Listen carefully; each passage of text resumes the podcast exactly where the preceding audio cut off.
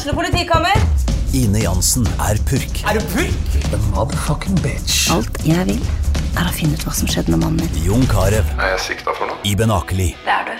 Ole So, Lars Berrum og Big Daddy Karsten. Hvem sin side er du på, egentlig? Anette Hoff, Tone Danielsen, Kommer du fra Afrika? Jørnis Josef, Nesten. Kløfta. Trond Espen Seim, Det er synd å si det, men det var feil mann som døde.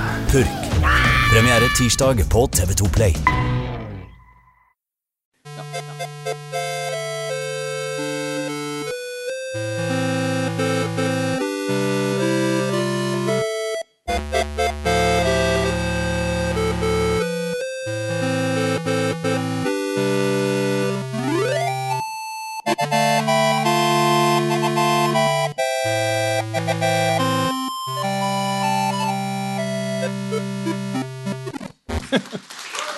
Level Up Live og greier for første gang på eh, ja, vel, halvannet år. Noe rundt der. Stemmer det? Vi har vært ute i publikum. Eh, vi tror det er hyggelig å være tilbake. Jeg syns det er hyggelig å være, være her. Dere syns kanskje det er hyggelig å komme ut, dere òg? Det er kjempehyggelig. Har, de siste par ukene har vært ganske ålreit å møte folk. eh, og sånt. Kan du jo starte med å nevne at Vanligvis så, så har vi jo en programleder som ikke ligner så veldig mye på deg. Ja. Eh, Frida kunne dessverre ikke være med denne uka. her. det glemte jeg å Men si. da, er det jo, da har vi jo en superreserve. Du var jo med oss til Kristiansand og hadde liveshow. Det gikk kjempebra. Ja.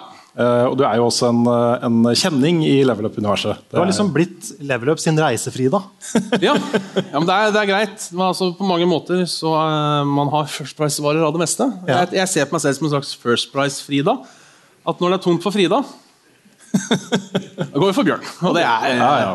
det funker, det, altså. Det er greit. det. Blir litt mye dudes, da. Det gjør det. Ja, det gjør det jo.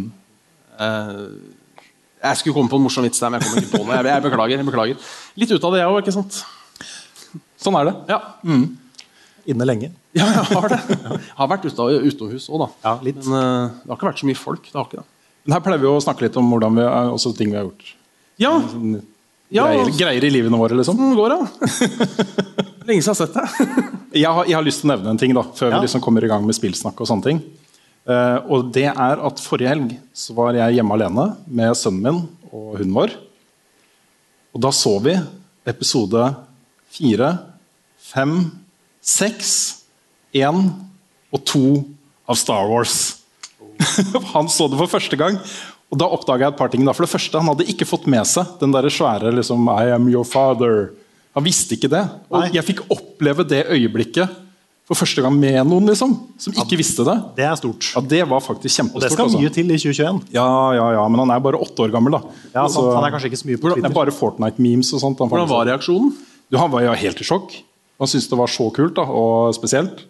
Så, um, men det var en ordentlig fin opplevelse. Det er sånn opplevelse når man får barn. da. Det Man går og venter på det. Når kan man se Star Wars med kidsa? liksom?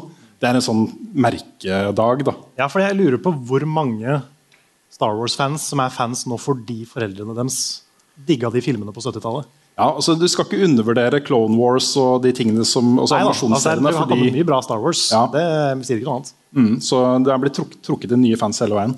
Men den andre tingen jeg oppdaga, var at hvis altså hvis, Det er veldig hvis og veldig litt sannsynlig, men hvis jeg noen gang skiller meg fra kona, så tror jeg det kommer til å være helt greit for han. Fordi han sa var Pappa, kan vi ikke ha det sånn som dette her annenhver helg?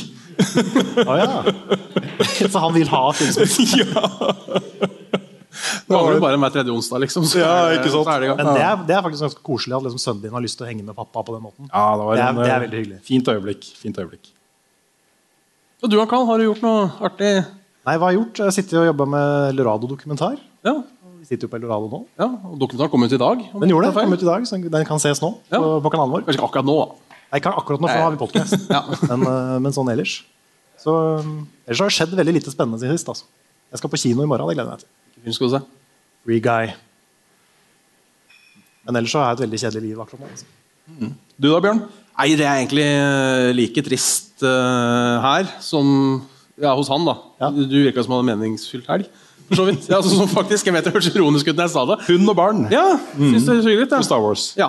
Ja. Uh, nei, jeg var en tur på hytta. Spilte besserwisser og drakk. det, var på en måte, det er jo det man gjør på hytta. Ellers så har det, ikke- det har ikke skjedd mye. altså. Det har ikke det.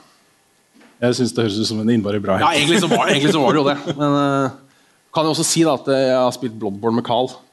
Ja, Noen er hypa på det. det er, Så- det er en, ting, en, gøy, en gøy ting som har skjedd. Ja, det var hyggelig. Det var veldig hyggelig. På mandag så, så tok vi offisielt opp roret igjen for Blåbjørn. Så det, det kommer tilbake. Det kommer ikke helt ennå, for vi må, vi må spare opp litt episoder. Ja. Og klippe de og sånn. Se åssen det gikk forrige gang. Ja, det er Det sånn, er greit å ha det er halvannet sånn år. tre-fire timer med Max Mekker som må legges inn. Men utenom det, så det nærmer seg. En liten sånn eh, teaser for den er at du fortalte meg litt om hvordan det hadde gått. Og det her gleder jeg meg til å se. Altså. Altså, Bjørn leverer i det spillet. altså. Jeg har hørt at FromSoft-spill er vanskelig, si. Men uh, Det er jo simpelt. ja, du mener det? Ja. For noobs. For noobs. Vi skal straks eh, videre til eh, neste spalte, men jeg tenkte bare nevne et par ting først til de som hører på podkasten dagen etter. Vi spiller den inn. og Det ene er jo at vi da sitter jo på Eldorado, det har vi jo sagt. Men vi skal jo da eh, dekke Opening Night live på Gamescom. Sitte her i salen og se den sammen med publikum. eh, og komme da tilbake etter at den er ferdig, for å ta for seg nyhetene fra den pressekonferansen og det showet. da. Eh, det andre jeg vil si er at Vi har jo med oss fantastiske Martin Herfjord på live vignetter, og vi vet ikke helt ennå hvor bra det blir på opptaket. Så, så vi får se. Hvis ikke vi kommenterer det underveis, Martin, så er det i hvert fall eh, utrolig kult å ha deg med. En ære for min del. Og hvilket publikum!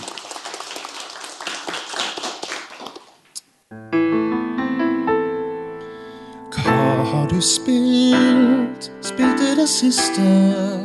Rune Karl. Hva har du spilt? Hva har du spilt? Spilte det siste? Live på Eldorado og Bjørn. For de som ikke skjønte dette, eh, så skal vi nå prate litt om hva vi har spilt. Eh, I det siste. Ja. Eh, og det er jo et spenn som strekker seg kanskje en uke, kanskje to, kanskje tre. Hvem vet. Eh, og gi en liten fugl hviska med i øret. Hadde du lyst til å begynne da, Grunne. Ja, eller litt i fellesskap med Carl, for vi har jo spilt uh, det samme spillet. Det har vi gjort. Uh, og det er et spill som jeg gleder meg til å snakke med deg om. Ja, fordi vi har jo anmeldt det begge to. Ja. Og da, da er vi veldig forsiktige med hva vi sier til hverandre før vi faktisk er ferdig med å skrive anmeldelsen. Helt sant? Du har gitt ut din, jeg har skrevet ferdig min. Så nå føler jeg at nå kan vi snakke om det uten at jeg liksom begynner å, at det, at det legger seg opp i min anmeldelse. Ja. Og Det er jo da 12 minutes. 12 minutes. Og det er ikke måte på hvor mye jeg har gleda meg til det spillet. Og det er jo mye pga. konseptet. Eh, Det er snakk om et sånt dokkehus. Du er litt sånn kikker i en leilighet hvor det skjer et drap.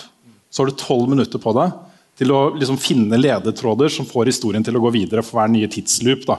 Ja, Det er jo tre rollefigurer her. Eh, Da er han mannen som du styrer, og kona hans, og da en mystisk morder som kommer på døra. Ja. Og Du skal finne ut hvorfor kommer han på døra, hva er det han vil, hvorfor er han så ute etter å ta deg. Og kanskje, kanskje noen av de tre personene skjuler noen hemmeligheter her. Ja, det dukker opp masse ting. Også det er et spill som da tar tolv minutter. Eh, Jeg tror selve eh, tidsloopen er på ti. Ja, det stemmer. Ja.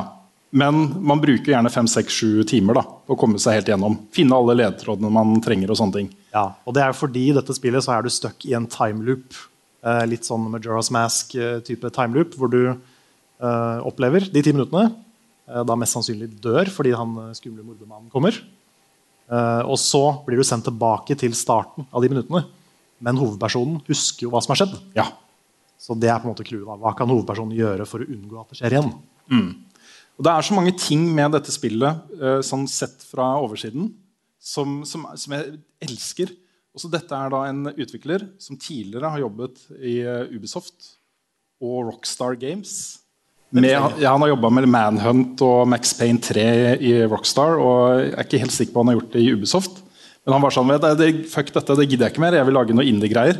Så det er jo ikke et eget studio, det er bare Louis, et, også etternavnet hans, Ja. eh, det er som har lagd dette spillet her. Uh, veldig sånn der, kunstnerisk begrunna. Han har hatt en veldig sånn Dette brenner jeg for å lage. Um, og så er det inspirert av andre ting enn man vanligvis finner i spill. da. Så Du har jo liksom teppet når du åpner heisdøra helt til starten. Det er jo fra Ondskapens hotell. Og den er veldig inspirert av Stanley Kubrick i liksom den intensiteten som er i spillet. Eh, også masse Hitchcock og sånn lukka rom- rom-mysterier og sånne ting. Han sier også at han er inspirert av David Fincher. Masse sånne inspirasjonskilder som man vanligvis ikke møter så mye i spill. Eh, I tillegg så er det liksom William Defoe, Daisy Ridley, James McAvoy Ja. i disse hovedrollene. Det er merkelig stuntcasting, vil jeg si. Ja, for nå kommer vi litt inn på problemene. Ja, det, Jeg vet ikke hvor vi skal begynne. Vi kan begynne der, tenker jeg. Fordi det er jo tre veldig kjente skuespillere. eh, og profilerte fra masse forskjellige ting. Um, men det kunne vel egentlig strengt tatt har vært nesten hvem som helst som Ja. spilte de rollene. Ja, for jeg merka spesielt med William Defoe. Ja. Uh, det er fordi han har en veldig sånn karakteristisk stemme. Mm. Jeg, tenker på, jeg tenker på Green Goblin og Ryuk og sånn når, når jeg ser eh, William Defoe. Men uh, det er nesten mer distraherende at det er han. Mm. Selv om han gjør jo en kjempejobb. Alle tre skuespillerne er jo dritflinke. De er jo profesjonelle Hollywood-skuespillere. liksom. Men du har samtidig ganske mange dritflinke voice actors i spillbransjen som kunne gjort en vel så god jobb. Så jeg vet ikke helt hvorfor det måtte være William Defoe. Jeg vet hvorfor. Ja, det er- det er for å selge- for å selge det. Også det ser så fett ut på den plakaten, Det som er det. designa av et, et eh, designbyrå. Eh, veldig Hitchcock-inspirert, den plakaten. Også en sånn nøkkelhull med lys inn, og så står det en silhuett av en mann. Det er sort og rødt, og så står det liksom William Defoe, Daisy Ridley, James McAvoy. Ja. Det ser veldig sånn der salgbart ut. Det ser veldig fett ut. Det er en, han har tatt en David Cage. ja. ja, ja, litt rann. Fordi det er liksom Ellen Page. Og er liksom, du får den derre Unnskyld, Elliot Page nå. Mm. Uh, men det, det er liksom Det er sånn kjendistrekkplaster, på en måte. Ja. Og det, det, er et, uh, det ble et lite problem for meg også, uh, akkurat den biten. Eh, men jeg har et annet stort problem. Da må jeg si da først at jeg, jeg liker spillet. Og jeg elsker konseptet. Og det er et sånt spill som jeg kommer til å huske. Og når jeg ser tilbake på det, så husker jeg best de kule sidene av det. liksom. Men det er et konsept som starter så intenst spennende eh, og nesten litt sånn ubehagelig. Liksom, du er en sånn kikker. Det er en sånn følelse som, eh, som eh, traff meg umiddelbart. da. Ja, Ikke bare du som spiller, liksom, men også hovedpersonen. Ja. Han må jo liksom snoke i tekstmeldingene til kona si. og Det er ganske mye sånne ting du må gjøre for å komme videre her. Det er det. Um, men så, da um, I og med at dette er et spill som tar ti minutter, men egentlig fem-seks, kanskje Du kommer inn i en sånn greie hvor man istedenfor å følge historien og nyte den og være liksom i øyeblikket, så sitter du bare og klikker på alt som kan klikkes på, og prøver å finne ut liksom, hva skal jeg gjøre nå. Hvordan skal jeg komme meg videre? Hva skal jeg bruke dette bildet her til? Skal jeg, hvilke dialogvalg skal jeg velge? Hva er, det som, hva er det som får meg videre her? Ja, Skjer det noe hvis jeg putter kniven i do? Sanne ting. og det er mye tid også, som går med til akkurat det.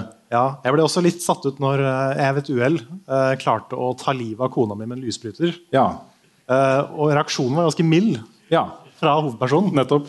Jeg vet ikke om det er fordi han visste at tida kom til å bli skrudd tilbake, men du vet jo aldri 100% Kanskje løsningen på timeloopen var at kona di må dø. Ja, kanskje det var det som var ikke det. ikke sant? Det er Groundhog Day-øyeblikket, liksom. Ja. Så eh, det var noe sånn, litt sånn understated øyeblikk som jeg Mm. forventa en mye sterkere reaksjon. Ja. Uh, men for meg så Jeg syns de første tre timene jeg spilte det spillet, var dritbra. Det var spennende. Jeg, var liksom, jeg følte meg som litt sånn detektiv. Jeg skal finne ut av dette her, jeg skal løse mysteriet, jeg må prøve masse forskjellige ting. Jeg hadde mange ideer. Men så fortsetter spillet litt lenger enn det. Og da begynner jeg å gå tom for ideer. Jeg begynner å bli lei av å se de samme scenene igjen og igjen. høre de samme replikkene. Uh, prøver den samme tingen en gang til, og så kanskje step nummer ti er noe annet. Da må jeg fortsatt gjøre steg 1 til 9 igjen og igjen. Og igjen. For, å liksom- og det, blir sånn, det blir så slitsomt etter hvert. Mm. Og så har det spillet her Jeg skal ikke spoile slutten, men det har jo en, det har en slutt som er det største sånn der narrative mageplasket jeg har opplevd i et spill på veldig lenge. Mm. Den, den siste liksom, twisten, da, for å kalle det det, den henger ikke på greip for meg i det hele tatt. Det ser fett ut, da. Eh, Konseptuelt, liksom. Ja, altså konsept, Hele spillet ser kult ut. Ja. Som, et, som et konsept er det dritstilig. Men jeg bare skulle ønske den historien ikke endte som den gjør. Altså. Jeg må innrømme, jeg er skuffet også. Jeg er skuffet over det spillet. Jeg hadde forventa at dette kunne bli så opp mot en tier. Liksom. Ja, det, Sånn i utgangspunktet. det var et sånt spill som, det er ganske mange år siden vi så det for første gang. Ja. Og vi har gleda oss og venta på at dette her kan bli liksom en ny, kul opplevelse. Det er ingenting som ligner på det. Og det er for så vidt fortsatt det. Men uh, skulle bare vært bedre. Ja. Du ga det Eller det er kanskje ikke si ennå. Det er ikke Det, ute ennå. jeg venter litt med å si det, fordi anmeldelsen er ikke ute. Jeg ga det jo terningkast fire. Jeg er litt eh, glad for at eh, vi har den fireren i eh, NRK. Fordi den inkluderer både seks av ti og syv av ti. Så jeg ville nok kanskje ha endt opp på en seks av ti hvis jeg skulle tatt tierskalaen. Um, men det er elementer her også som jeg syns er bra, og som, som har noe for seg. Og jeg gleder meg til det neste spillet hans. Jeg, jeg tenker at, at det kan ligge noe her som, uh, som kan bli skikkelig, skikkelig, skikkelig bra etter hvert. Hadde vi hatt det samme konseptet samme liksom nytenkinga og samme mekanikken, og sånn, men bare en bedre historie, så hadde det vært så mye bedre. Mm. Men Det er da ute på PC og eh, Xbox, eh, inkludert da GamePass. Du hadde en del andre ting du hadde lyst til å snakke om? eller var det, skal vi gå videre til Ja, jeg er fornøyd med 12 Minutes. hvis du har tenkt på. Ja. Eh, men hadde du flere spill du tenkt? Jeg kan snakke om et spill til. Gjør det. Jeg har endelig kommet til rulleteksten. Runda uh, The Great Ace Attorney Chronicles. Ah. Men det er jo to spill, Ja. så jeg har ikke begynt på det andre ennå. Men det første er jeg ferdig med. Og jeg har skjønt at dette er to spill som egentlig er én historie. Og det merker du, for det er en del ubesvarte spørsmål på slutten. Men, uh, men jeg satt igjen med ganske sånn bra inntrykk altså, når jeg er ferdig med, ferdig med eneren. Det er jo veldig kjent for alle som har spilt et Ace Attorney-spill før. Veldig like type rollefigurer, veldig like type mysterier. Men eh, den siste casen, som på en måte fletter alt sammen, var veldig veldig bra. Og eh, det er jo ofte sånn i Ace Attorney-spill at eh, kanskje ett eller to av fem kapitler er litt sånn filler.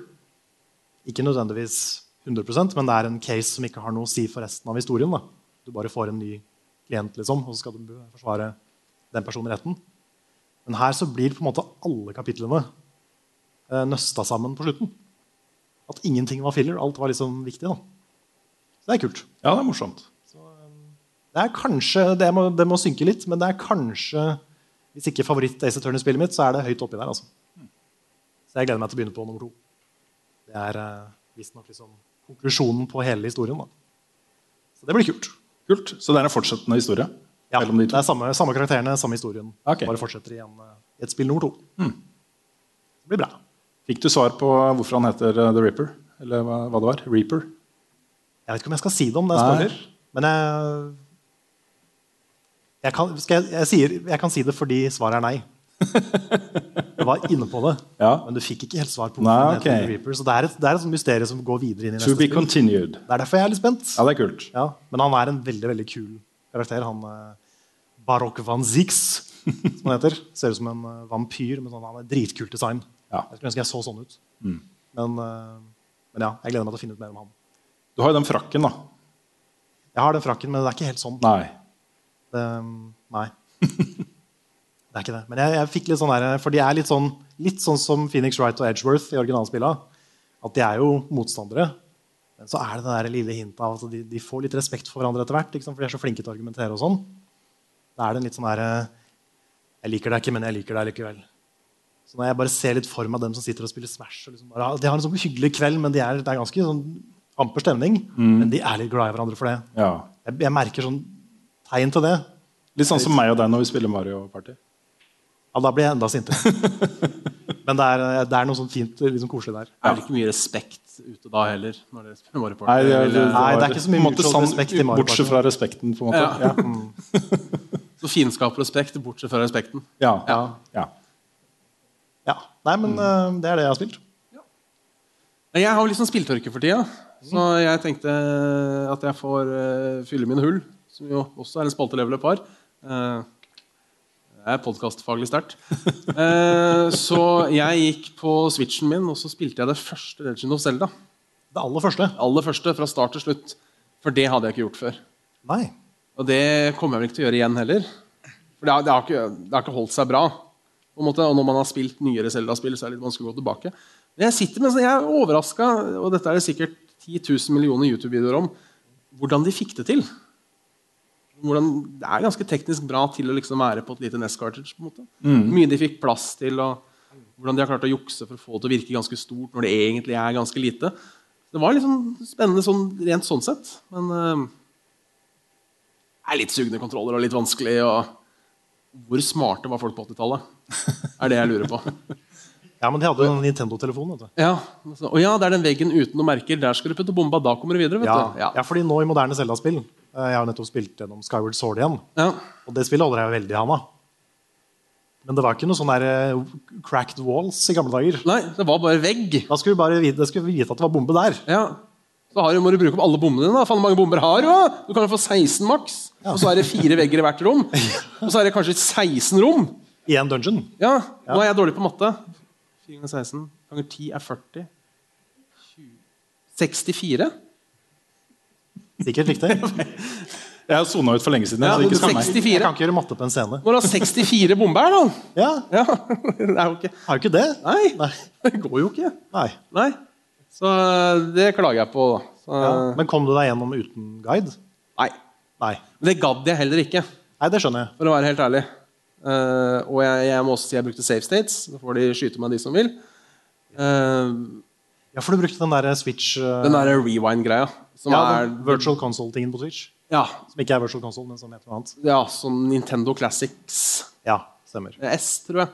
Sånn rewind-funksjon. Den mest geniale som noensinne er blitt laga, egentlig. Ja. Men jeg har hørt at den greia der, den, den Switch uh, virtual console-tingen, Ja. den har faktisk ganske bra sofa-coop uten at du er i en sofa. Altså sånn online coop i gamle spill. Det kan hende. Så du kan spille Donkey Kong Country med noen som ikke er i rommet. liksom. Oi. Åssen ser de TV-en da? Nei, de, da, må de, da må de ha sånn kikkert. Ja. ja.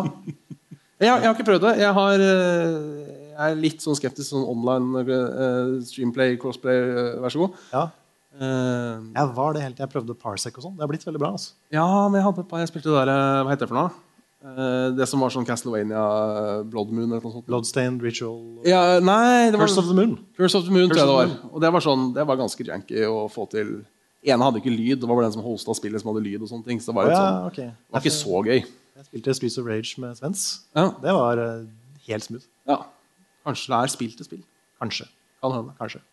Jeg må sjekke hvor vi skulle videre i programmet. For det er... Jeg har spill, to spill til å snakke om. ja, ja, men for all del. Mm. For du allerede De tre punktene som du satte opp på lista di, har du liksom stokket om på allerede. Så det er veldig bra. Det? Ja. Nei, her står det bare Rune. Se, her står det Ja. Åpner, hei og velkommen. Hva har vi spilt? Rune, kall meg. Og så, og så det som skjer etterpå, da, som jeg ikke skal si ennå. for å holde Nei, ikke sant? Ja. Men jeg vil fortsette, da. Eh, For jeg har jo nemlig spilt et spill som kommer ut i dag. Onsdag. Psychonauts 2. Det er sant du nevnte det. Ja. Og dette er jo et, uh, en oppfølger av et spill som kom ut i 2005. Uh, For noen år siden så fikk det også en sånn liten VR-episode eh, som, eh, som forteller liksom historien mellom 1 og 2. Da. Eh, Men dette er jo altså 2005 til i dag, endelig en oppfølger. Det har ligget så eh, nede, det spillet her, med finansiering og problemer. Og det å se det spillet lansert er en liten sånn festdag da, for alle oss som eh, var glad i originalen. Eh, og jeg var fryktelig glad i originalen, selv om det er veldig knotete å spille. Jeg vil ta et spørsmål som vi har fått inn fra Steamroller Man, som spør da må eller bør man ha spilt Psychonauts 1 for å få utbytte av nummer 2. Og Svaret på det er egentlig ja, men jeg velger å si nei. Fordi eh, det å gå tilbake til å spille, å, spille det 2005-spillet vil nok mange oppleve som en ganske sånn, knotete teknisk opplevelse i dag. Det er eh, en fantastisk historie. Utrolig bra rollefigurer. Kjempebra dialog. Kjempebra design på alle verdenene og masse fantasi og eh, kreativitet i alt som er der. Men det er ikke så gøy også, å dø igjen og igjen og igjen fordi du bare ikke får kontrollsystemet til å funke helt. Men det er ikke snakk om liksom, tank controls. Det er ikke så galt. Nei, det er ikke det. Men du må kjempe litt for mye mot det. Ja, ok. Så det jeg vil anbefale å gjøre, det er rett og slett å se en video som Double Fine har laget, som er litt sånn The Story So Far. Da tar du både øh, den VR-episoden pluss uh, Psychonauts-scenen, og så har de lagd en liten sånn kortfilm hvor da hovedpersonen Raz forteller liksom hva som har skjedd. da. Eh, også liksom bakgrunnshistorie eh, fra før det første spillet. Hvor han kommer fra. Han har vokst opp på et sirkus. Eh, det er et eller annet sånn mystisk forbannelse som gjør at eh, hans familie ikke tåler vann. og det er en del sånne ting da, som kommer fram der. Så, så den vil jeg anbefale å se. Uh, ja. Ellers så er jo også originalspillet på Steam ja da. fortsatt. Ja da. Jeg har, jeg har det på lista mi, men jeg har ikke spilt det ennå. Men jeg vurderer å plukke det opp nå. Er på GamePass også. Det er det, det første? Ja da. Mhm. Ja, ja. Så, øh, men dette her er bra. Også. Det er så gøy å se. Også, Team Shafer har jo øh, lagd spill siden starten av 90-tallet. Hans første spill var The Secret of Monkey Island, hvor han skrev ca. to tredeler av manuset sammen med Ron Gilbert.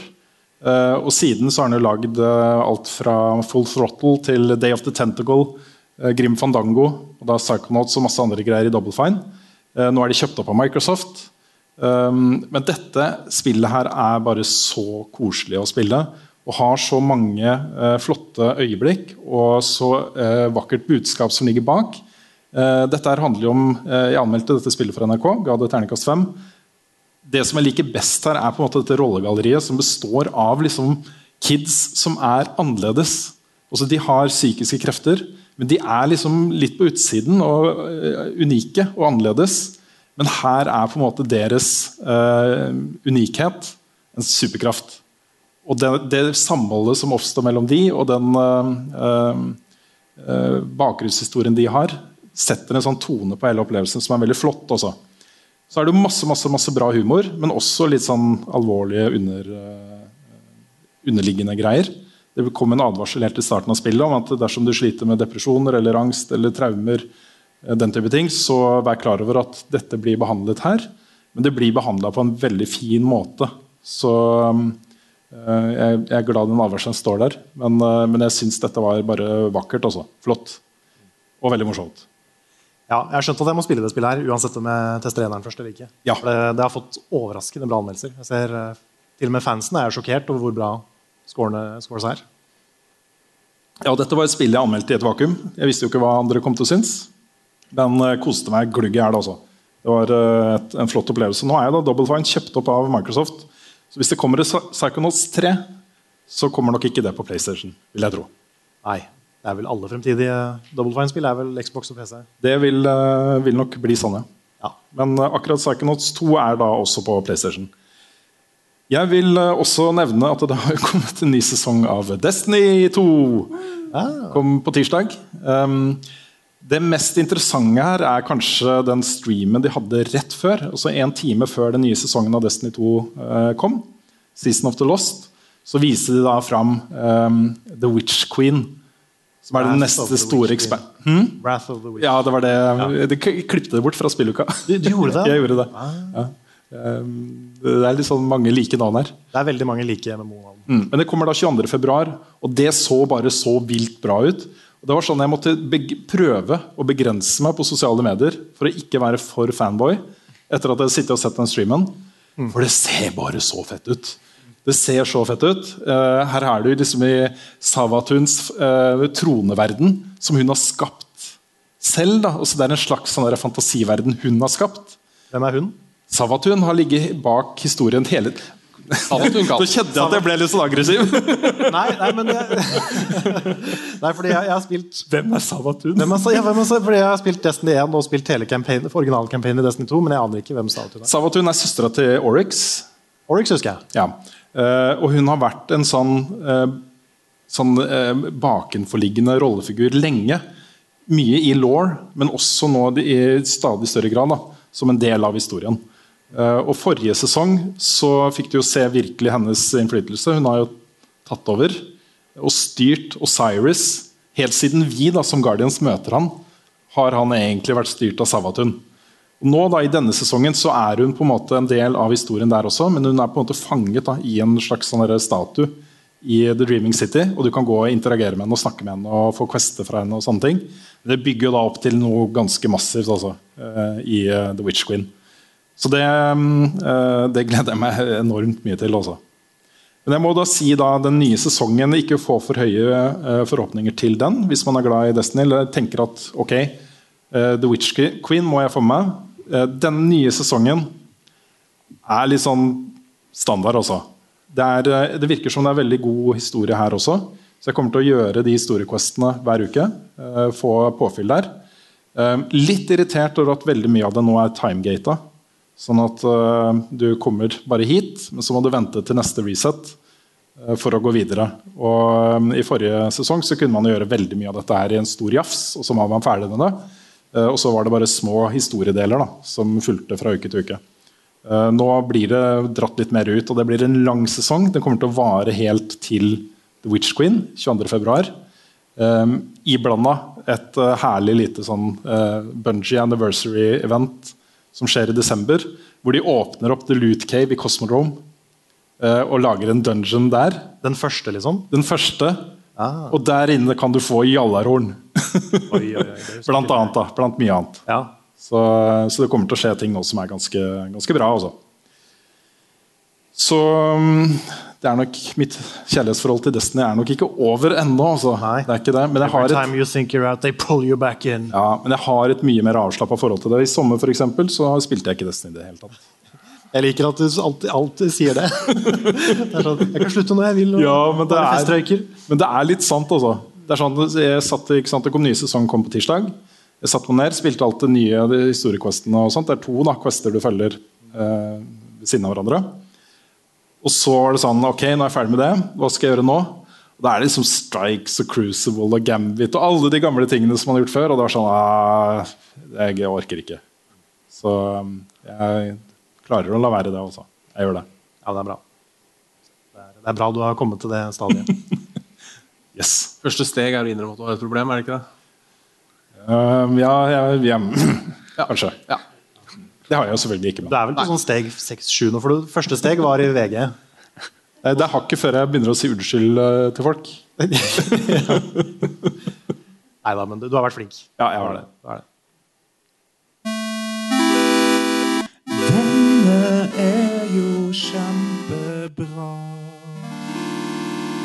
Ukens anbefaling. Ja. Kan du starte med å si at vi på skjermen bak oss nå hvert øyeblikk vil få pre- pre-showet til eh, Gamescom opening, opening Night Live. Uh, hvis det skjer noe megasvært, så kan det hende at vi kommer litt inn på det i den spalten her. Men uh, mest sannsynlig så kommer vi til å spare uh, snakk om det da, til etter hovedshowet. Bare så det er nevnt. Men jeg hadde tenkt å anbefale noe i dag fordi jeg har vært på kino med søstera mi og sett Free Guy. Den er jeg ganske nysgjerrig på. Jeg skal jo se den i morgen. Det er en sånn film som du på aldri kunne ha forestilt deg skulle være noe bra. Nei, det er det, det, er derf- det, er det jeg har hørt. At den er liksom mye bedre enn den har noe rett til å være. Ja, for den er lagd med for det første veldig mye spillkompetanse. Altså, det er åpenbart at uh, de som har lagd manus her, spiller og kan en del om spill. Masse kule referanser hele tiden, da særlig til open world-spill. Uh, masse Fortnite, Grand Theft Auto, The Saints Row, den type ting. Um, men det er en litt sånn hjertevarm historie. da. Og Historien her er jo, uh, handler om en NPC-figur i, uh, i Free City. som er det store spillet som dette foregår i. Sånn GTA-spill, er det ikke det? Ja, det er veldig, Jeg lurer om til og med Jeg syns jeg kjente igjen det kartet. For det starter med at en fyr eh, hopper i fallskjerm over den byen. Det kartet er sånn oversiktskart, akkurat som jeg kjenner fra, fra GTA. da. Eh, jeg, mener, jeg er ganske sikker på at det er bare modellert etter, eh, etter eh, GTA 4-kartet der. altså. Så, men ikke arrester meg på det. det er bare, min tanke var det liksom, dette ser ut som det kartet. Um, det som skjer, er jo at eh, en av disse MPC-ene, spilt av Ryan Reynolds, um, blir seg selv bevisst og begynner å bryte ut av det faste mønsteret sitt. Og blir da på en måte levende i denne verden her. Akkurat som i Doki Doki Literature Club. Ja, men det er, jeg syns dette her er litt interessant, fordi det er en tullete film med masse og action og humor og romantikk og den type ting. Liksom. En feel good-film. Men dette er jo på en måte en ganske bra start på en diskusjon da, om eh, hvor virkelige AI-liv kan være. Det, det syns jeg er litt spennende. Jeg, jeg, man kan se den filmen her, og så kan man begynne å ha diskusjoner om kunstig intelligens kan kalles levende eller ikke. Eh, og det er jo på en måte en svær og dette har jeg snakket om i podcasten før også, men det er en svær diskusjon som går nå da, eh, i liksom intellektuelle miljøer. Intellektuelle miljøer. og det, det, det går jo på eh, Kan det hende at vi faktisk lever i en simulasjon? Og teori, En av de teoriene som går, er jo at i det øyeblikket menneskeheten stiller seg det spørsmålet, og vi har kommet så langt med teknologi at vi kan se liksom, ok, om 10-20 år så har kanskje NPC-er i de verdenene vi skaper på datamaskinene våre, et slags intelligens og et slags liv og eh, en slags verden som de opplever som ekte. da. Eh, og teorien er det at I det øyeblikket menneskeheten stiller seg det spørsmålet, kan det være at vi er i en simulasjon, så er det ganske stor sannsynlighet for at vi er det. Er det noen som mener da?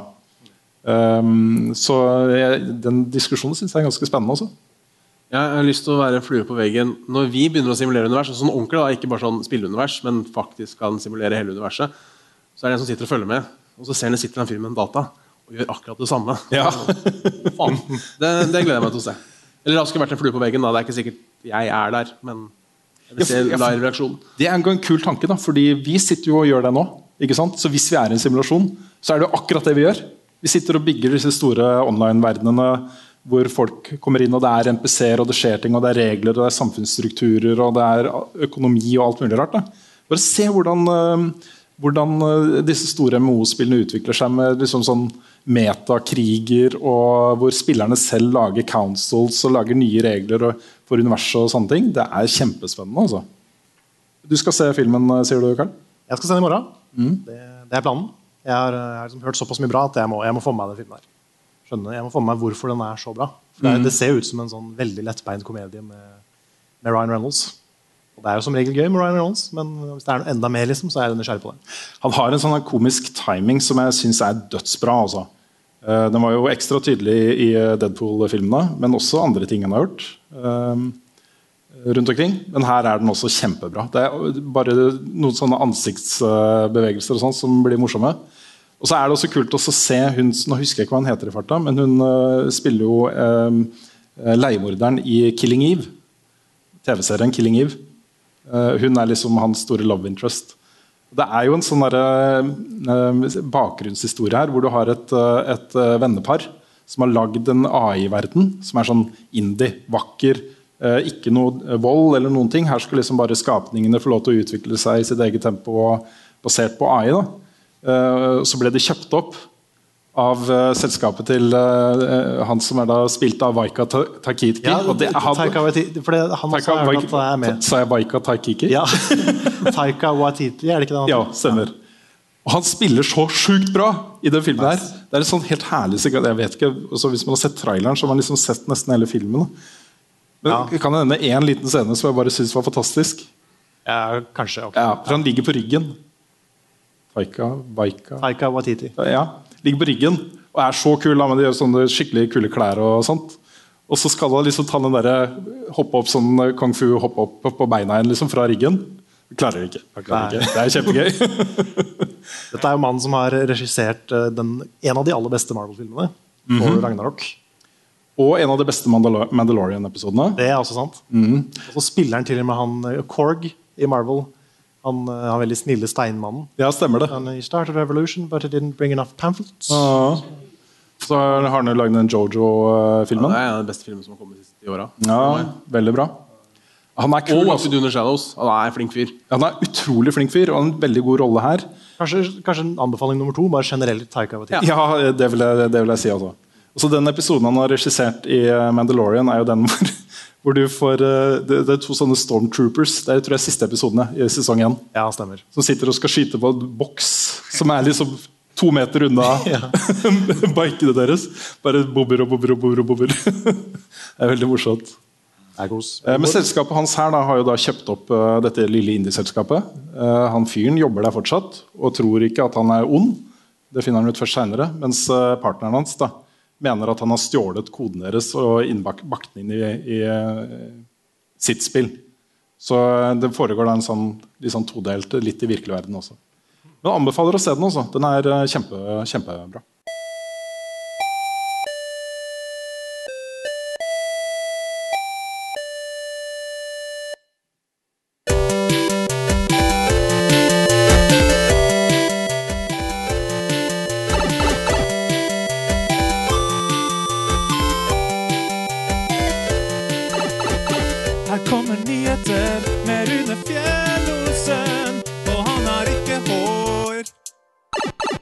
Vi har jo akkurat sittet og sett eh, to timer med Gamescom eh, Opening Night Live. Det var kanskje eh, sånn én time og ti minutter for langt.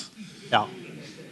Men før vi går gjennom alle de største nyhetene fra den, det showet, så må jeg nevne en annen nyhet som, som jeg syns trumfer alt vi så i kveld, og alt annet som har skjedd sist uke. Ok.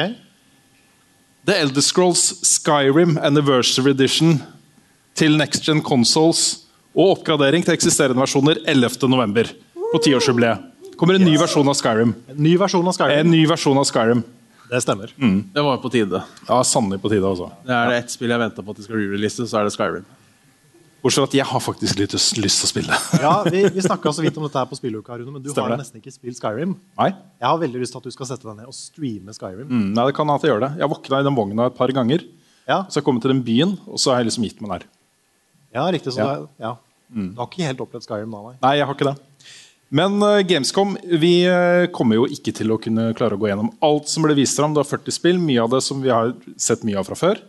Ja, det var, det var ganske sånn rapid fire fra det ene til det andre. Også Ja. litt sånne rare awards inni der. Det, det, det rewardsa de hadde der, jeg skjønner ikke helt greia. Altså, vi var litt tilbake til sånn som den type pressekonferanse var før. Jeg føler liksom at, eh, at Jeff Keeley og Game Awards har liksom løfta disse showene litt de siste årene. At det har blitt litt mer temperatur, litt mer naturlig oppførsel fra de utviklerne. Snakka litt mer fra levra, eh, ikke minst Josef Fares. Eh, dette her var veldig clean også. Alle de spørsmålene som man stiller til utviklerne, er sånn derre Ja, hvor langt har dere kommet? Når er, kommer det ut? Har dere noen planer for etter lansering? Altså, det er alle de spørsmålene som man stiller når man vet at det er det eneste Ja. man får svar på. ikke What do you have to say about the content? Ja. How many polygons are there in the how, game? how many content is in the game? Yes. I think this game is good. Yes, we feel that the game is probably going to be very good. yes, that's- Ja, ja, ja. Men um, um, det var greit, liksom. Men jeg, men jeg, synes, jeg er litt skuffa over at det var litt sånn Litt, litt for PR-styrt. Alle disse Ja, litt for. PR-styrt, litt for langt. Mm. To timer uh, å sitte og se på var litt, det var litt lenge. Ja, Så beklager til dere i salen. Uh, Det er hyggelig å se at uh, det var noen som gikk underveis. Hyggelig å se at ganske mange av dere, de fleste, er igjen. Ja, det skal dere faktisk ha. Ja. Jeg har ikke satt dette i noen rekkefølge, så jeg tar det litt i kronologisk rekkefølge. som det står her, som det ble vist på showet. Og så har jeg gjort et lite utvalg. Jeg kommer ikke til å snakke om alt. Eh, Jeg kommer til å nevne det kjapt, Så hvis dere syns jeg går for fort forbi et eller annet dere har lyst til å snakke om, så kan dere stoppe meg. Og hvis noen i salen føler veldig veldig sterkt at det er noe vi kan snakke om, Ja, så er det lov å si sånn Høy! Ja, det eh, kan hende at vi hører på dere. Det åpna med Saints Row, som ikke har noe nummer eller noe undertittel. eller noen sånne ting. Det er en eh, slags reboot. Kommer 25.2. Ja, men det har en tagline som jeg ikke var sikker på om var en del av tittelen eller ikke. Ja, Hva var den taglinen? jeg så ikke noe It's a city in the desert. Nei, det, var, det het et eller annet, og så sto det Saints Row under. Coming soon. Nei, det var ikke, det var ikke coming soon. Det var, det var sånn her et eller annet Own Yourself. Eller det var From the creators of Saints Row 1 ja, eh, self-made eller creators. Self, Self-made. Ja, Ja, det var. for det, det skjønte jeg ikke helt om var en del av tittelen eller ikke. Vet ikke. Nei. Det, var jo, det er vanskelig å si så veldig mye om det. Også de viste først en utrolig fin da, sånn cinematisk eh, trailer. Eh, men når de da skulle vise Ok, nå skal vi vise dere gameplay, så var det bare Ja. Det var en sånn YouTube-short. Ja, ja, ja.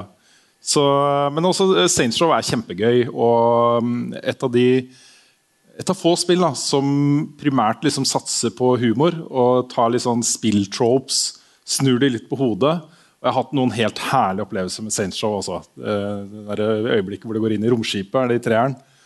Og de spiller uh, Ja, Don't wanna close my eyes. Ja. ja, ja det var Eh, herlig også. Så, så jeg gleder meg til dette her. Eh, det ble annonsa to nye Marvel-spill.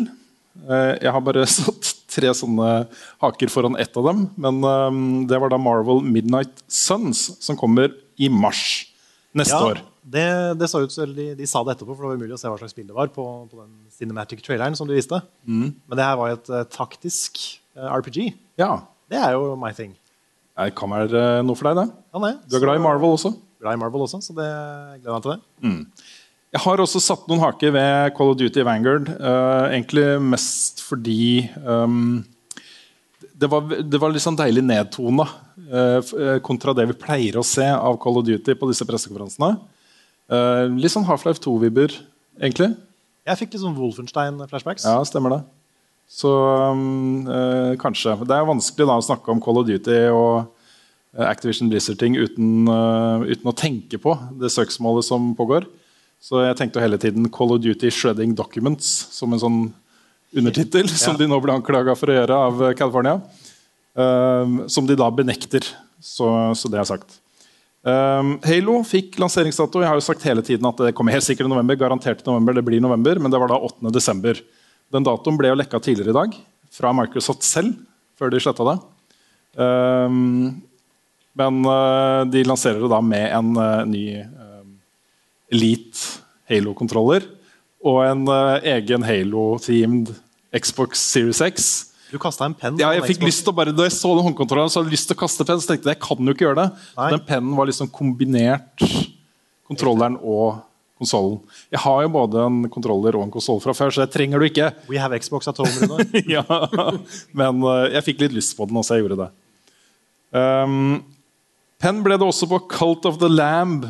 Ja, Ja, det så koselig ut. Ja, et, eh, og det ble jeg veldig usikker. De kalte det en rogelike, men jeg det, tipper det kanskje er en rogelite. ja, dette er jo sånn eh, mye fram og tilbake, men roguelite er det nok. De aller aller fleste spill er jo det. Som Ja. kaller seg for roguelikes, de er rogelites.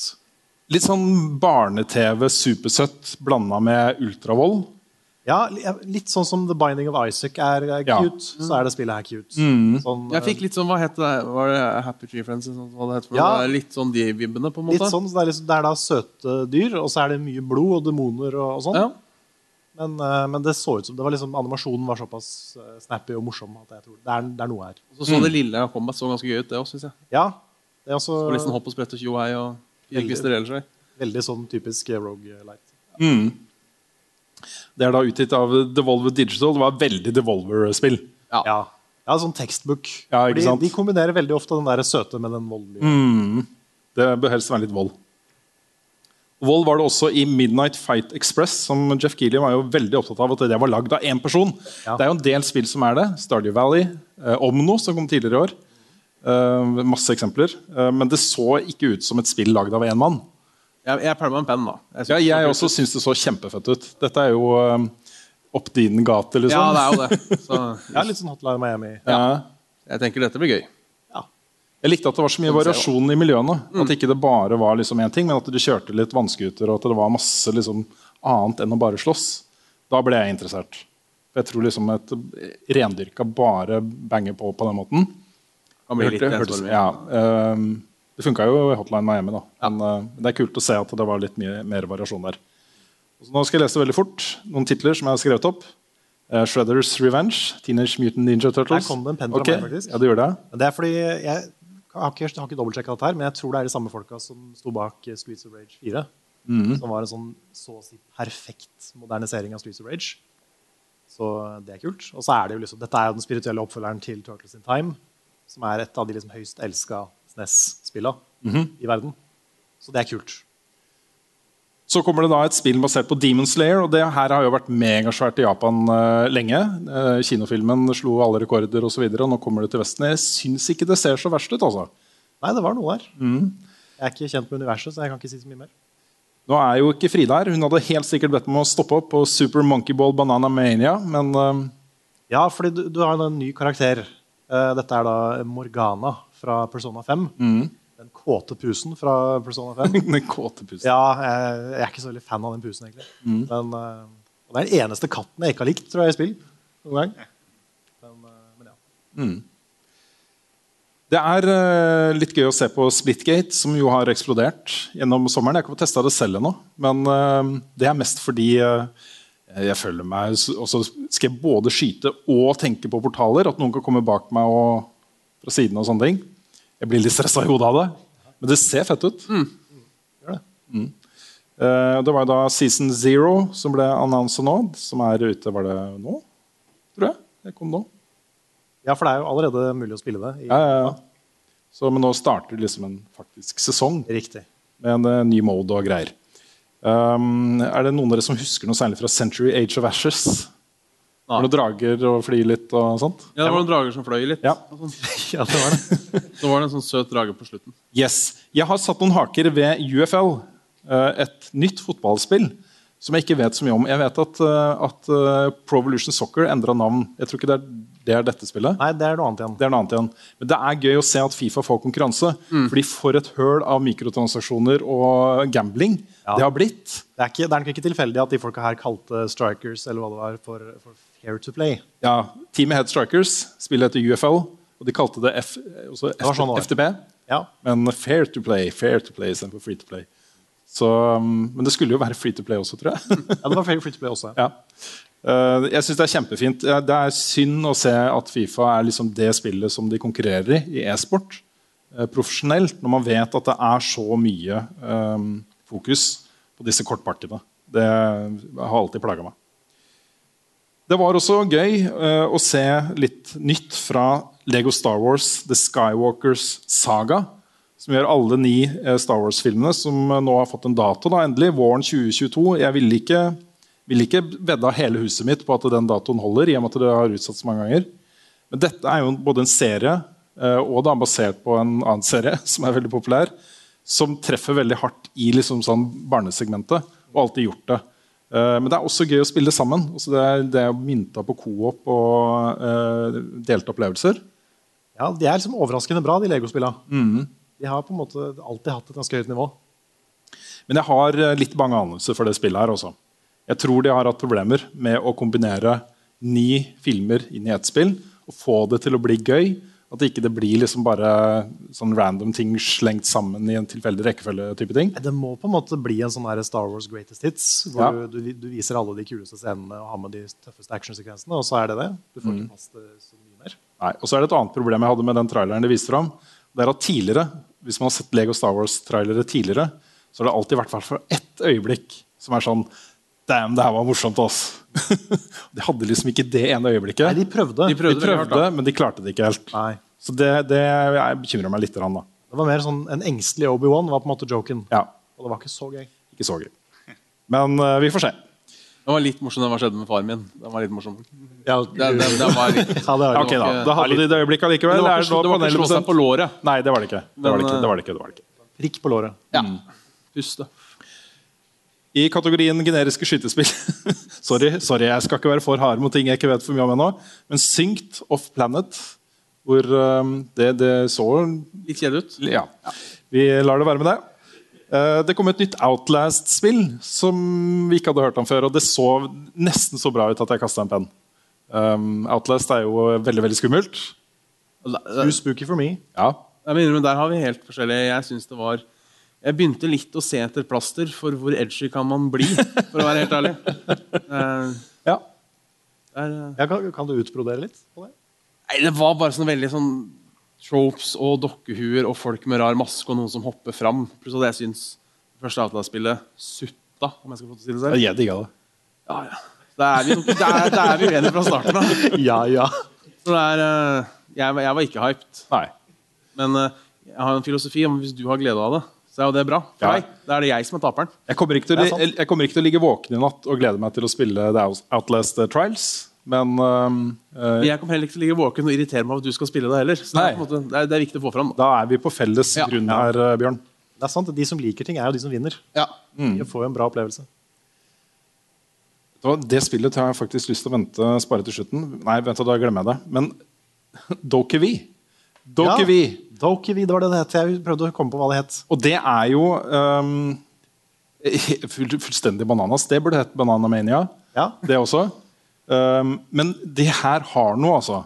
Dette her har noe. Jeg har sett uh, sønnen min og vennene hans uh, drive og spille Fortnite. Og de er jo egentlig mest opptatt av å gjøre emotes og kødde med hverandre og gjøre sånne morsomme ting i verden som ikke handler om å drepe. liksom. Uh, dette er liksom Fortnite emotes the game. Uh, og jeg Ja. syns det ser ganske gøy ut også. Ikke for meg, kanskje, men for Nei, for, for jeg også vurderte lenge liksom, om jeg skulle kaste en penn. Mm. Uh, fordi det var, det, det var nok litt for sånn cute for meg, even for me. Um, men det var noe med den der Først så kom, begynte hun å hoppe og så og glide på den der paraplyen, Mm. og det så gøy ut. Ja. Og så tok hun fram den der gigahammeren, som ble til en enda større hammer når hun slo. Mm. Det så litt gøy ut. Ja. Og det var nok sånne små ting som var sånn hm, Det var akkurat nok til en penn. Det så jo ut som det var et spill fullt av sånne små ting. Ja. og det, det jeg spiller, liksom. Ja, det er liksom, jeg er litt nysgjerrig på Ja. hva, hva i all verden er det her for noe. Tror, jeg- tror jeg spiller du kan spille i hvert fall som, som voksen da, i to timer og synes det er koselig. Ja. Men liksom ikke investere livet ditt i. Jeg, jeg håper at, at jeg kommer til å bli fylt med sånn der morbid nysgjerrighet. Mm. Hva er det neste som kommer til å skje i det spillet her? Ja. I have to see this. Ja, nei, Dette er et spill jeg kommer til å følge litt med på. også, rett og slett. Um, vi fant vel ut at det var koreansk? var det ikke det som ble Jo, sagt? det var en veldig catchy sånn k-pop-sang Mhm. også. Jeg eh, nevner kjapt eh, Jurassic World Evolution 2 ble vist fram. Eh, Far Cry 6 ble vist fram. Det ser ut som de har skjønt at de må fokusere enda litt hardere på Giancarlo Esposito.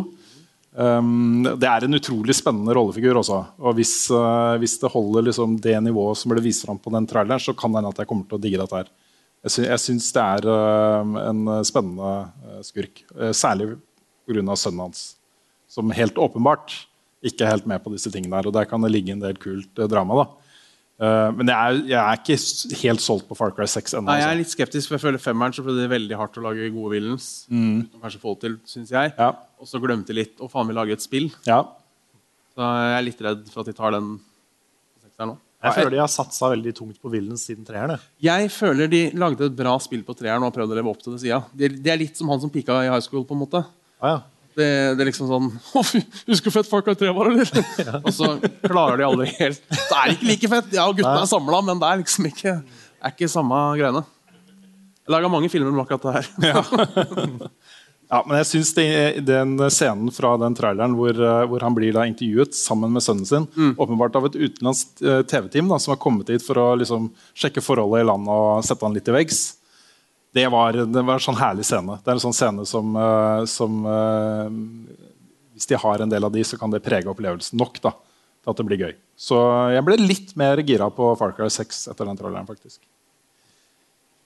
Så all right. ehm, eh, Vampire the Masquerade Blood Hunt. Er ikke det, er ikke det som Battle Royale? Jo, det var det multiplayer-spillet. Vi går videre. Park Beyond. Ja, jeg er så Ja, hva var det du sa, Carl? Det var, du sa det så bra. Ja, du kan ikke ha en CG-trailer CG for et uh, altså bygge sånne simulation- simulation- simulation-spill. Management-spill, sa du. Management-spill var det jeg kalte det. Det var det ordet jeg så etter. Ja. Eh, det, det, det er så mange av de som gjør det. De har en sånn veldig fancy Two Point Hospital. Alle de har gjort det. Mm. Og du får jo ikke noe inntrykk av hva det faktiske spillet er for noe. Er det litt sånn som Theme Park, eller er det ikke det? Man vet ingenting. jo, kan du tro det, med tanke på hvordan det gikk med Two Point Hospital. Liksom, at noen prøver å gjøre det samme Team Park. Ja, Det er ikke det samme teamet, da, så kan hende de prøver seg på noe annet. Det er Bandai Namco, det her. Det er litt sånn, Kan du bygge egne karuseller? For det så det litt Ja, for du prøvde på. Det var det jeg ville liksom jeg For det er litt gøy. Jeg vil du kan- vite det hvis du kan designe karuseller. Det er ikke bare gøy hvis du når ut tjent 6000 dollar, så nå kan du trykke på en knapp, og så får du den karusellen. Er kommer ikke- den opp. Det er ikke like gøy, men hvis du kanskje, kanskje kan lage noe. Det er klart Ja, det. ikke sant? Det er sånn, Jeg blir bare sittende igjen med Jeg vet ikke hva det er for noe. Ja. Fordi det var en CG-trailer som ikke er representativ for noen ting. Det er ikke sånn Besiege i Team Park. det hadde jeg spilt dritt i. Vi går videre til Jet The Far Shore. Dette er et spill fra Super Brothers. Eh, Sword and Sorcery og en del bra ting. Eh, De, de går jo, også Jeg har fulgt dette spillet en stund. da. Det kommer nå 5. oktober. Eh, De prøver å lage et space-spill som handler om liksom, utforsking og sånn chill. Altså, det skal ikke være mye konflikt og kriging og slåssing. og. Dette handler om å bare utforske fremmede verdener og ha en liksom, chill opplevelse. Jeg syns det ser så flott ut, altså, det spillet. Eh, både visuelt og eh, spillbarhetsmessig. Eh, men det er litt vanskelig å få tak på. da. Det er sånn, Jeg kasta en penn, men det var mest fordi jeg vet en del om dette spillet fra før. Men jeg tror det kan bli en flott opplevelse også. Nå er jeg veldig glad i spacespill. Um, det var ingen overraskelse at vi fikk en utsettelse av Horizon Forbidden West. Det skulle jo komme da i høst. Er utsatt til 18.2. Og det begynner å bli ganske tett nå, altså januar-februar neste år. Det gjør det. Nå kommer jo både da Legend, Pokémon Legends Arceus, Elden Ring og Horizon på ganske kort tid. Yep. Og så Sifu fikk vi vite at kom samme dag vel stemmer det. som Horizon. Ja. Så det blir tett i starten av neste år. altså. Samme dag som uh, Horizon og uh, jeg skal se, Det kommer samme dag som uh, Witch Queen. Destiny 2 Witch Queen. Ja. 22. februar. Hva skal du spille først, da? Horizon og Destiny 2 Witch Queen? Jeg uh, tipper at vi får Horizon tidlig. Heldigvis. Ja, det kan hende. Ja, Det pleier vi å gjøre av Sony. Det, pleier å komme et par uker før lansering.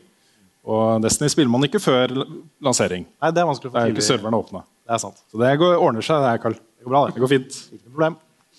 Hvis uh, jeg måtte velge, så hadde jeg selvfølgelig spilt Horizon uh, først. Ja. Vi skal ikke snakke masse om New World, men dette er jo et spill som, som vi åpenbart kommer tilbake til seinere i høst. Uh, jeg er litt stressa på å sende Svendsen ut i dag. det hvis, hvis det er skikkelig bra, så, så kan, det, kan det ta litt tid. Kanskje ikke vi ser Svendsen på et par år. Ja, ikke sant? Men det er jo mye spenning, spenning knytta til den utgivelsen. For det første så er det jo en eh, stor eh, konkurrent av da Final Fantasy 14, World of Warcraft, også de eksisterende MMO-ene. Det er ikke så ofte de kommer.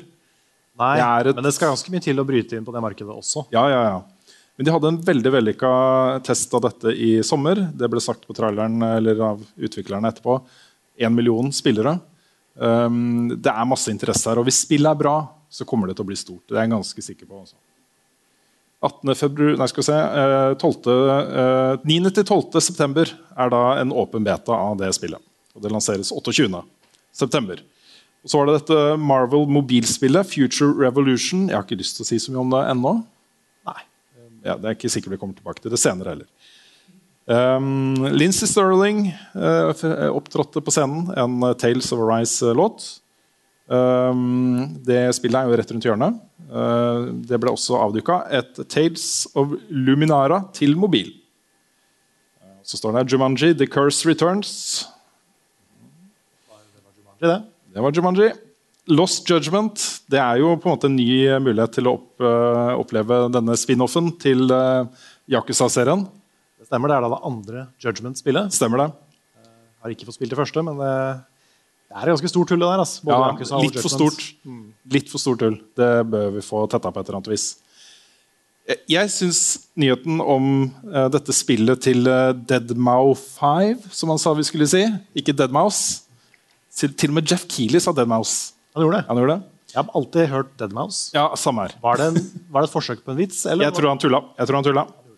Uh, han har nå laga et spill i Core, som jo er en slags Roblox-konkurrent. altså tilsvarende. En plattform til å lage spill i. Så har han lagd sitt eget univers, som heter Oberhasley Ober...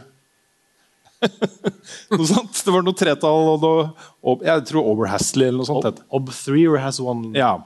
Um, det som er interessant her, er jo hvordan um, Internett, ny teknologi, spill, fravær av fysiske um, eh, CD-er, også salg over disk og sånne ting, har forandra musikkindustrien med konserter i Fortnite og hvor mye penger Ariana Grande og disse her tjener på disse konsertene. Uh, og den involveringen som man får da, med fansen i et eh, interaktivt univers Det er spennende å se også, at en stor artist bygger på en måte sitt eget virtuelle eh, univers og inviterer fansen inn dit. Um, verdt å følge litt med på hvis man er liksom medieinteressert. Uh, King Louis kommer til Fall Guys. Jippi! Um, vi fikk se litt, bitte, bitte lite grann fra Replaced. Ikke nok til å måte eh, få noen ny følelse av det spillet, men det ser fortsatt eh, ut som et veldig interessant spill. Det så kjempebra ut forrige gang vi så det. Mhm. Men, eh, nei, det var litt for lite nå til at vi kunne finne noe særlig mer ut. Ja. Age of Empires 4 blir nok et av eh, høstens aller største spill. Dette er jo veldig sånn i hardcore PC-segmentet. Um, det kommer en uh, utvidelse av uh, Valheim som heter Hearth and Home. Som uh, handler om å utvikle homesteaden din. Ja. på en måte. Det, Valheim føler jeg var et spill som det eksploderte jo da det kom. Ja. Men det har blitt litt borte igjen. Mhm. Jeg vet ikke om det fortsatt er mye interesse for Valheim. Eh, ikke like mye som det var i nærheten av. Det har kommet en del spill nå etterpå, også spill som foregår på en måte litt i samme setting. eh, og sånt. Og det er mye lettere i dag føler jeg, å få en, en hit, også en viral hit, og få med deg den gjengen med folk som er klare for å eksperimentere og hoppe på nye ting. De hopper liksom fra spill til spill. Da. Den gruppa er dritsvær. Det er jo så sjukt mange mennesker på, eh, på Steam eh, som sitter og venter på Early Access-spill og betaer og, og hva som er nytt, og hva er det nyeste nye nå. Liksom. Hva er det som er kult å spille nå? Og så går de videre. Det er en litt sånn der, Funcom fikk også oppleve det med Con Exiles, som fikk en voldsom interesse i starten. eh, og så gikk mange videre da, til den neste tingen. Um, men um, det er fortsatt ganske stort også. Det er fortsatt en del mennesker som eh, spiller da. Jeg tror de har runda ti millioner. De runda sju på var det tre måneder eller to måneder. eller noe sånt. Ja, ikke sant? Um, Crossfire er det også verdt å følge litt med på. Nå vet jeg at Remedy jobber jo med en singleplayer campaign basert på Crossfire. Og Crossfire er jo det største skytespillet i verden. Et eh, kinesisk mobilspill. Som også nå da kommer i en eh, større så konsoll- og PC-versjon. Så eh, følg litt med på den. Uh, Aloy kommer til Genshin Impact. Det visste vi jo fra før. Det kommer også et, eh, en eh, konsert med et belgisk filharmoniorkester eh, som skal ha konsert da i spillet. Eh, vi nevnte kjapt Sifu. 22.2.2022. Det jeg syns det ser awesome ut. Det ser kjempebra ut. Eh, gleder meg til å spille. Og så avslutta jo eh, Gamescom Opening, Night Live um, som venta, med et litt sånn dypere blikk på Death Stranding, Directors Cut. Og um, jeg har spilt litt for mye Death Stranding. Jeg har platinum og Ja, jeg også føler ikke nødvendigvis noe sånn kjempebehov for å spille det på nytt. Nei. Og jeg synes det var veldig bra, men da jeg var ferdig med det, så var jeg ferdig med det. Jeg føler meg også ferdig med det. Jeg gjør det, altså. Men, eh, men det var et eller annet med den derre åh, landskapene og så følelsen av å være til stede i denne verden her. Jeg kjente et visst sånn savn etter en verden jeg har tilbrakt så mye tid i. Og eh, det er nok de øyeblikkene jeg husker best fra det spillet. Å komme over liksom en fjelltopp med ryggen fullt av eh, pakker som skulle fram. Og de begynte å ruste fordi de har vært ute for lenge. og sånne ting. Fram med sprayen og kanskje sette meg ned litt. og sånne ting. Det er det jeg liksom husker fra spillet. da. Eh, Det er nok det jeg har gjort mest i spillet også. Gå, over fjellet og, og sånt. Men det så kult ut å kunne liksom hoppe ned fjellet med hoverboots. Mm. eh, og kunne kjøre sånne ramper med motorsykkelen. og sånt. Det så Triks og sånt, ja. Mm. Det morsomste fra Directors Cut synes jeg var eh, billøpene. Racing, Muligheten til å kjøre racing i det spillet. Kojima Kart. Kojima Kart. og særlig når du kjører med disse svære varebilene. Ja. som liksom, det går jo ikke fort, det går ikke fort men eh, det så gøy ut. Da runder vi av Gamescom. Det var ikke en så eh, fet uh, helaften som jeg hadde håpa på. Det er jo flott da, at vi har liksom, uh, salen full av folk som har kommet hit for å se uh, Gamescom Opening Night Live. Og så var det det. det var, sånn, det var greit nok. Det var greit nok. Ja, det. Det er en gamble med Gamescom og Game Awards og sånn. Ja. Noen ganger er det dritbra, noen ganger er det Men var dere fornøyde med showet, folkens? Ja Det var veldig avmålt. Ja, Det er greit, det er hyggelig dere er her fortsatt allikevel. det er veldig hyggelig. At dere kan også høre på oss snakke en halvtime om hvor ålreit uh, det var.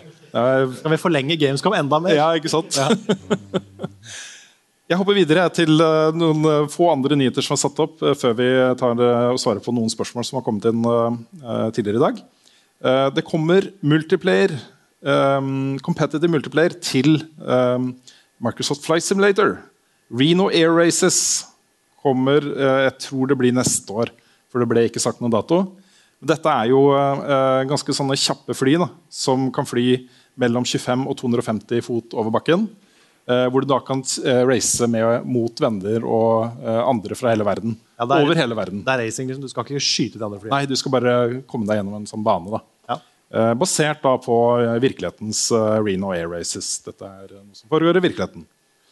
Um, det kommer nå Cloud Gaming til Xbox GamePass på konsoll i november. Det betyr at i november så vil du kunne spille Series X-spill på Xbox One. Dette har vi snakket om litt før. Jeg syns det er festlig. Også. Jeg synes det er kjempegøy. Det er en litt annen tilnærming enn alle andre gjør. Ikke sant? Så det er spennende. Og så ble det også bekrefta et rykte som dukka opp tidligere i uka, nemlig at Crusader Kings 3 kommer til PlayStation 5 og Series X og S, inkludert GamePass. Dette er jo også et uh, lite hull uh, i redaksjonen vår. Men jeg har spilt det bitte lite grann, og det er jo et uh, bananas kjempekult spill også. Det er også kanskje Banana Mania. Ja, jeg husker at du prata om det. Jeg ble litt nysgjerrig da. Jeg var ikke, var ikke forberedt på at det var så out there. Altså, for deg, Se for deg historien i Game of Thrones, og så bare skrur du det opp liksom ti hakk. Ja. Med alle ting du kan gjøre, og folk som kan ligge med hverandre og få barn med hverandre. og eh, drepe hverandre og sånt, Så kan du bygge på en måte ditt eget univers og din egen historieline, da, som er ganske kul. også. Så Det ligger masse muligheter til å lage utrolig mye drama som du skaper selv. da. Bare ved å liksom, ok, nå skal vi den personen få barn med den personen, og så ser vi hva som skjer. ikke sant? Så um, jeg syns det var litt kult. Chaos is a ladder. Nettopp. Hva har Rune spist? Hvor var Bjørn sist? Har Carl egentlig så Ukens spørsmål. Nice. Vi eh, starter med um, selvfølgelig med noen spørsmål til Bjørn. Oi, så hyggelig. Ja. Det er, eh, du er jo på en måte litt sånn der outsider i redaksjonen vår. Du er med på en del ting, men du er med så lite at veldig mange spør oss hver eneste uke hva skjer med Bjørn. Når får vi se mer av Bjørn? Så vi starter med noen spørsmål til deg, Bjørn. Ja. Det første spørsmålet er fra en som jeg vet sitter i salen her, Håkon Brostigen. Mer roomies, please. Mer roomies, ja. Ja. Det hender at vi får det spørsmålet. ja. Og det, um, vi var jo i hvert fall en gang for lenge siden veldig gira på å lage mer roomies. ja. Det som skjedde med roomies når vi la det ut, det, det var i 2011. Det var da Skyrim kom. Ja, det var det. Det var da roomies kom. Det er så lenge siden. Ja, for jeg husker Jeg hadde heller lyst til å spille Skyrim enn å spille inn episode 3 av Ja. Roomies. Vet dere hva annet som kom eh, da? Nei, Level Up. Det er også sant. Tiårsjubileum i november. Fy fader. Alt skjedde det året. Ja. Men eh, nei, fordi det som skjedde med Roomies, da, det var at eh, vi, vi lagde jo første sesong. Og da var jeg veldig veldig gira på å fortsette. Men jeg merka på egentlig alle andre at ikke de var så gira. Da. Pluss at ingen så episodene da de kom. Det var sånn, jeg tror vi hadde sånn 100 views kanskje, på episodene. Ja, det var ikke kjempemye. i hvert fall. Nei, Så da, da døde det litt. Eh, og så plutselig, sånn tre-fire år seinere, tror jeg, så hadde, det sånn, så, hadde Roomies sånn 40 000 views. Jeg vet ikke når det skjedde, eller hvorfor, men det bare så lenge etterpå ble det populært. Det er tre personer som har sett det veldig mange ganger. Ja, det er sikkert det det er. Men, men jeg hadde jo planer eh, eh, Covid ødela litt, å ha en sånn roomies-tur i Oslo. Ta dem med rundt på Ja, det var, det var en god god det er en så god Skulle idé, altså. koste 300 spenn, selvfølgelig. For Ja, skal ja, ja. få penger for Det det. er guida tour gjennom eh, Der var den der, den der Så- automaten vi brukte til det. Ja, så forhåpentligvis sommeren 2022 i hvert fall. Så får jeg sikkert årtall kaldt å bli med, og så tenkte jeg Svendsen kunne steke vafler når vi var ferdig. Et eller annet sånt noe. Så, gjør det hjørnet der, der løp Bjørn og måtte tisse. ja, Og sånne ting. rett og slett. Det blir liksom bare en guida tur til Anker studentbolig. Ja, Anker studentbolig 100 meter rundt. Men eh, det er eh, jeg, har, jeg har holdt én guida tur før, eh, og jeg klarte å prate piss i en halvtime, så jeg tenkte det gikk bra, det. Ja. Jeg er veldig spent på om noen kommer. Jeg kan garantere dere at noen kommer. Ja. Det, jeg tror til og med det kan, det kan bli en ganske fin gjeng. I hvert fall hvis det er gratis vafler. I hvert fall hvis det er gratis vafler. ja, så er det gratis vafler når billetten koster 300 kroner. Nei, det er godt. Det er jo også pluss VIP-billett, kanskje 700. Hva får du for VIP-billett? Eh, da, for VIP-billett så får du, du får tur. Uh, ja, altså ikke sånn tur, da. Ja, for det hørtes veldig feil ut. Det koster, det koster 1500. Da får du tur. Ja. Uh, og så uh, eh, kan du få en sånn fem minutter uh, pre-tur. Jeg vet ikke. Også kanskje, kanskje vi kan trykke opp noen nye T-skjorter. Hvis Ja. vi selger For jeg husker Jeg så et genialt konsept. Eh, de skulle oppgradere dørene i borettslaget. Og det var sånn Den kosta 7000 kroner.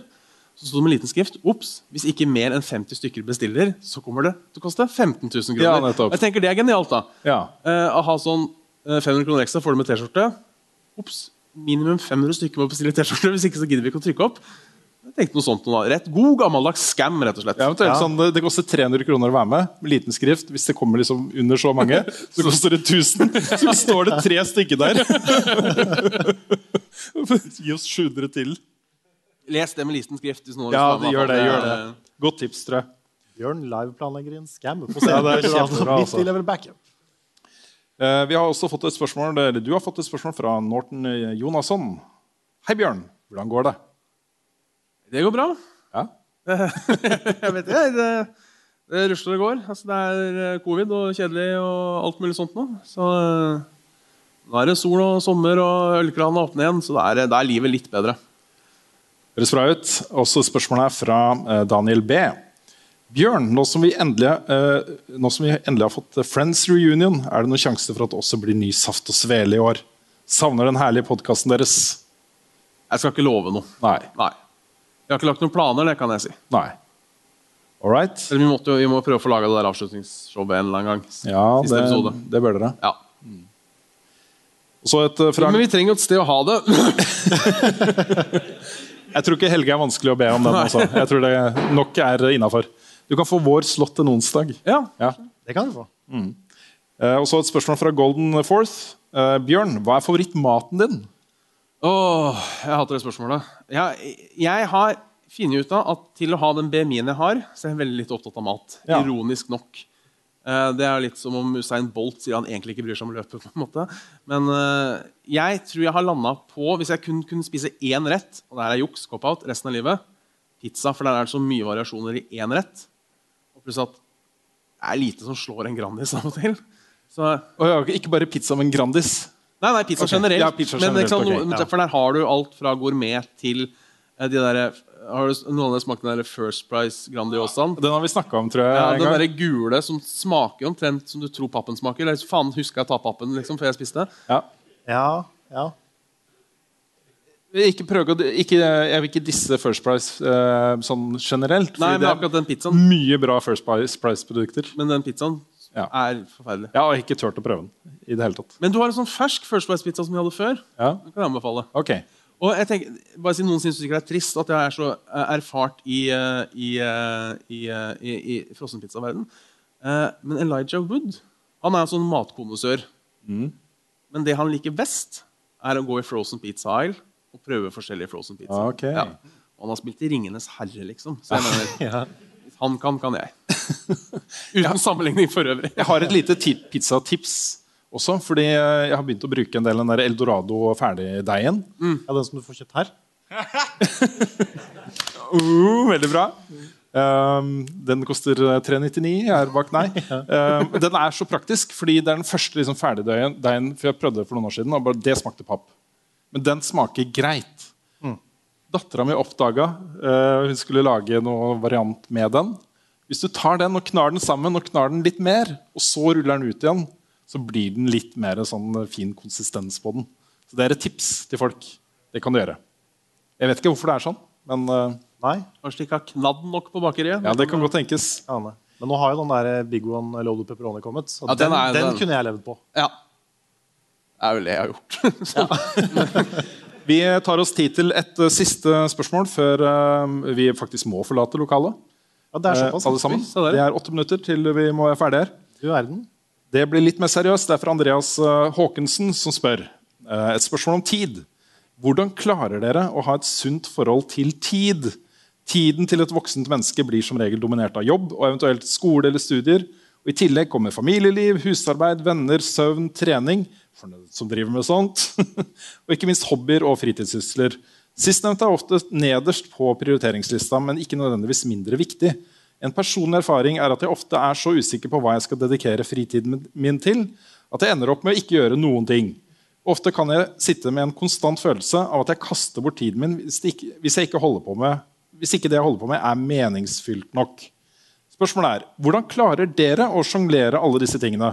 Og hvordan klarer dere å bruke tid på én hobby uten å føle dårlig samvittighet fordi det går mindre tid til en annen hobby? Hvordan prioriterer dere?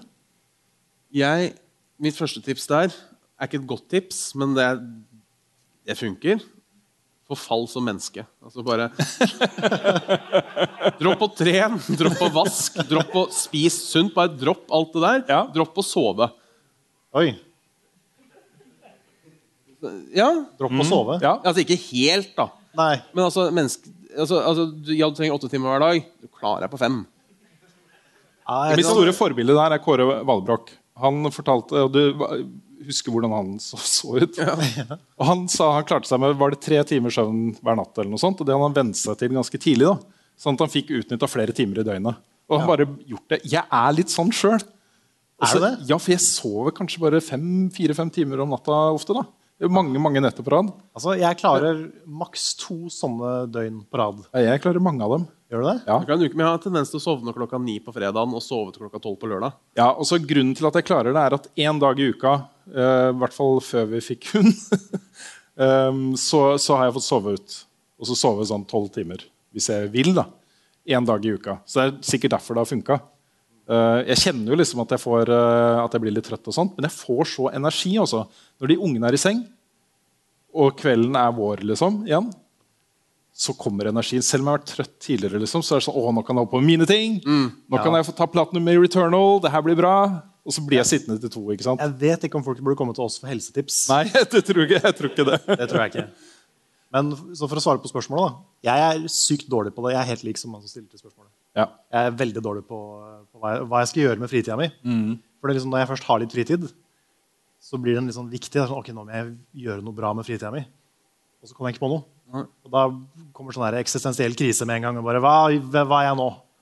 Og da jeg vet ikke, jeg er sykt dårlig på fritid. Det eneste jeg tenker da, som er, Hvis jeg faktisk skal komme med et tips, eh, som jeg oppdaga litt gjennom denne pandemien, som kanskje noen har hørt om eh, fordi Da merka jeg hvor mye sosiale ting har betydd for meg. Ikke sant? Bare fordi man var basically bare hjemme i fem måneder. Eh, så jeg tenkte på ok, hva er det som gir meg mest glede? Og det er å henge med folk. Prioriter det. på en måte, Bare drit i Ja, Altså Ikke prioriter å henge med folk hvis, hvis, hvis det som gir deg mest glede, er å spille Destiny. Ja. Prioriter det. ja, Sånn faktisk, liksom. ja. Eh, man, man har et liv. ja det er sant. altså. hvorfor skal man kaste det bort på ting man ikke vil gjøre? på en måte? Jeg har eh, funnet ut eh, at, eh, at i hvert fall minimum av prioritering av tiden må jeg jo uansett gjøre.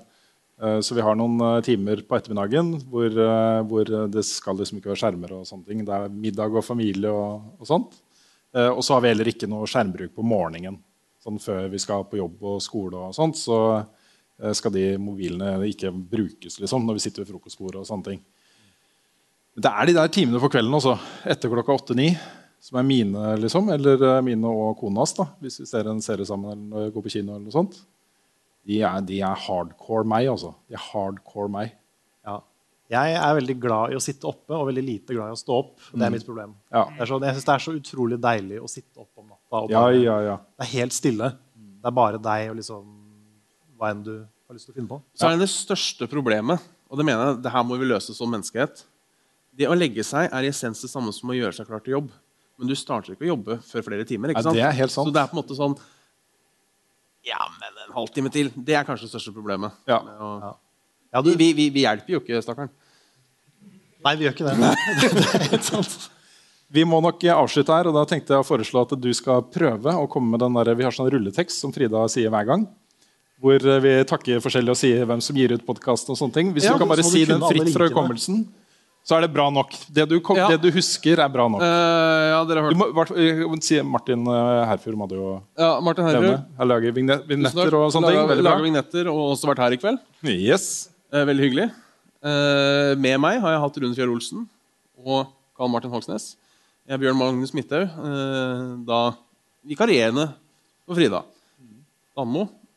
Ja, faktisk. Eh, eh, og så var det jo, jo eh, produsert av Buffkitten, men så vet jeg at det blir produsert av noen andre på akkurat podkasten. gjør det ikke det? Utgitt av moderne media. Utgitt av moderne media. Sånn var det. Tusen takk til alle som støtter på Patrion. Ja, det pleier vi å si. Ja, eh, spesielt Knut. Har du en backer som heter Knut? Helt sikkert. jeg tror vi har et par som heter Knut. Knut, den er til deg. Yes. Eh, takk til Eldorado for at vi fikk være her. Så, Takk til dere i publikum, selvfølgelig. hvor kan de se innholdet vårt, eh, Bjørn? Eh, Innholdet vårt kan dere se på YouTube, på kanalen Level Up Norge. Aha. Og det er vel youtube.com slash Level Up Norge. Nesten. Level Up Nord. Ja, Level Nord er Level. Nord er det, ja. Eh, og så kan dere jo Den ligger vel ute på Spotify òg? Level, eh, gjør den ikke det? Eh, Podkasten, ja. Ja. Ja da. Jeg Eh, pleier ikke å si det spesifikt, men Det er, er det. der, der du hører podkast, da. Ja. Ja. Er det noen plattformer det ikke finnes på? Mm, TikTok foreløpig. TikTok er det ikke. Nei. Så er det selvfølgelig å følge på Twitter. At Runefo, at Carl McMuffin, Muffens Carl er på Twitter. Muffens Carl, Ja. at Færravåg. Ja. Uh, Det velger du ikke men det er greit. Discord. Discord. eh, .gg slash level level nord. ja, G. Norge. Ja. ja. Discord.gg. Slash levelupnorge. Uh, Norge. TV Eh, slash levelupnord. nord. Ja. Nå kan du si takk for oss. Og så, Eh, og, ja, jeg vurderte å komme med en dårlig vits, men jeg droppa det. Så, nei, jeg skulle jo bare si pornhub.com slash Level Up Nord også, bare for å Vet du hva, Det er faktisk mye sånn innhold som blir lagt ut på Pornhub fordi de ikke driver og sletter ting og sånn. Ja, Ja, men det, seriøst. ja det er bare å legge seriøst. ut podkasten her. Herregud, det er ikke Nei, Ikke at du ikke får Pornhub og ikke liksom Onlyfans. Ikke... Ja, men Ja, jeg det føler- glemte jeg å nevne. De har gått tilbake. Nå får du lov til å legge ut eh, De skal ikke ta bort uh... Har de ombestemt seg? Ja, så nå må vi Nå kan vi gå tilbake, nå kan vi gå tilbake på Ja, Onlyfans. Vi kan ta planene tilbake igjen. Det kommer dere enten til å tjene null eller en million kroner på. Ja, det er akkurat det. Hvis det blir eh, ordentlig content. Da. Mm. Men da er klokken faktisk 23.00, så takk for oss. Takk for at dere kom. Så ses vi ved neste korsvei. Takk skal dere ha, folkens.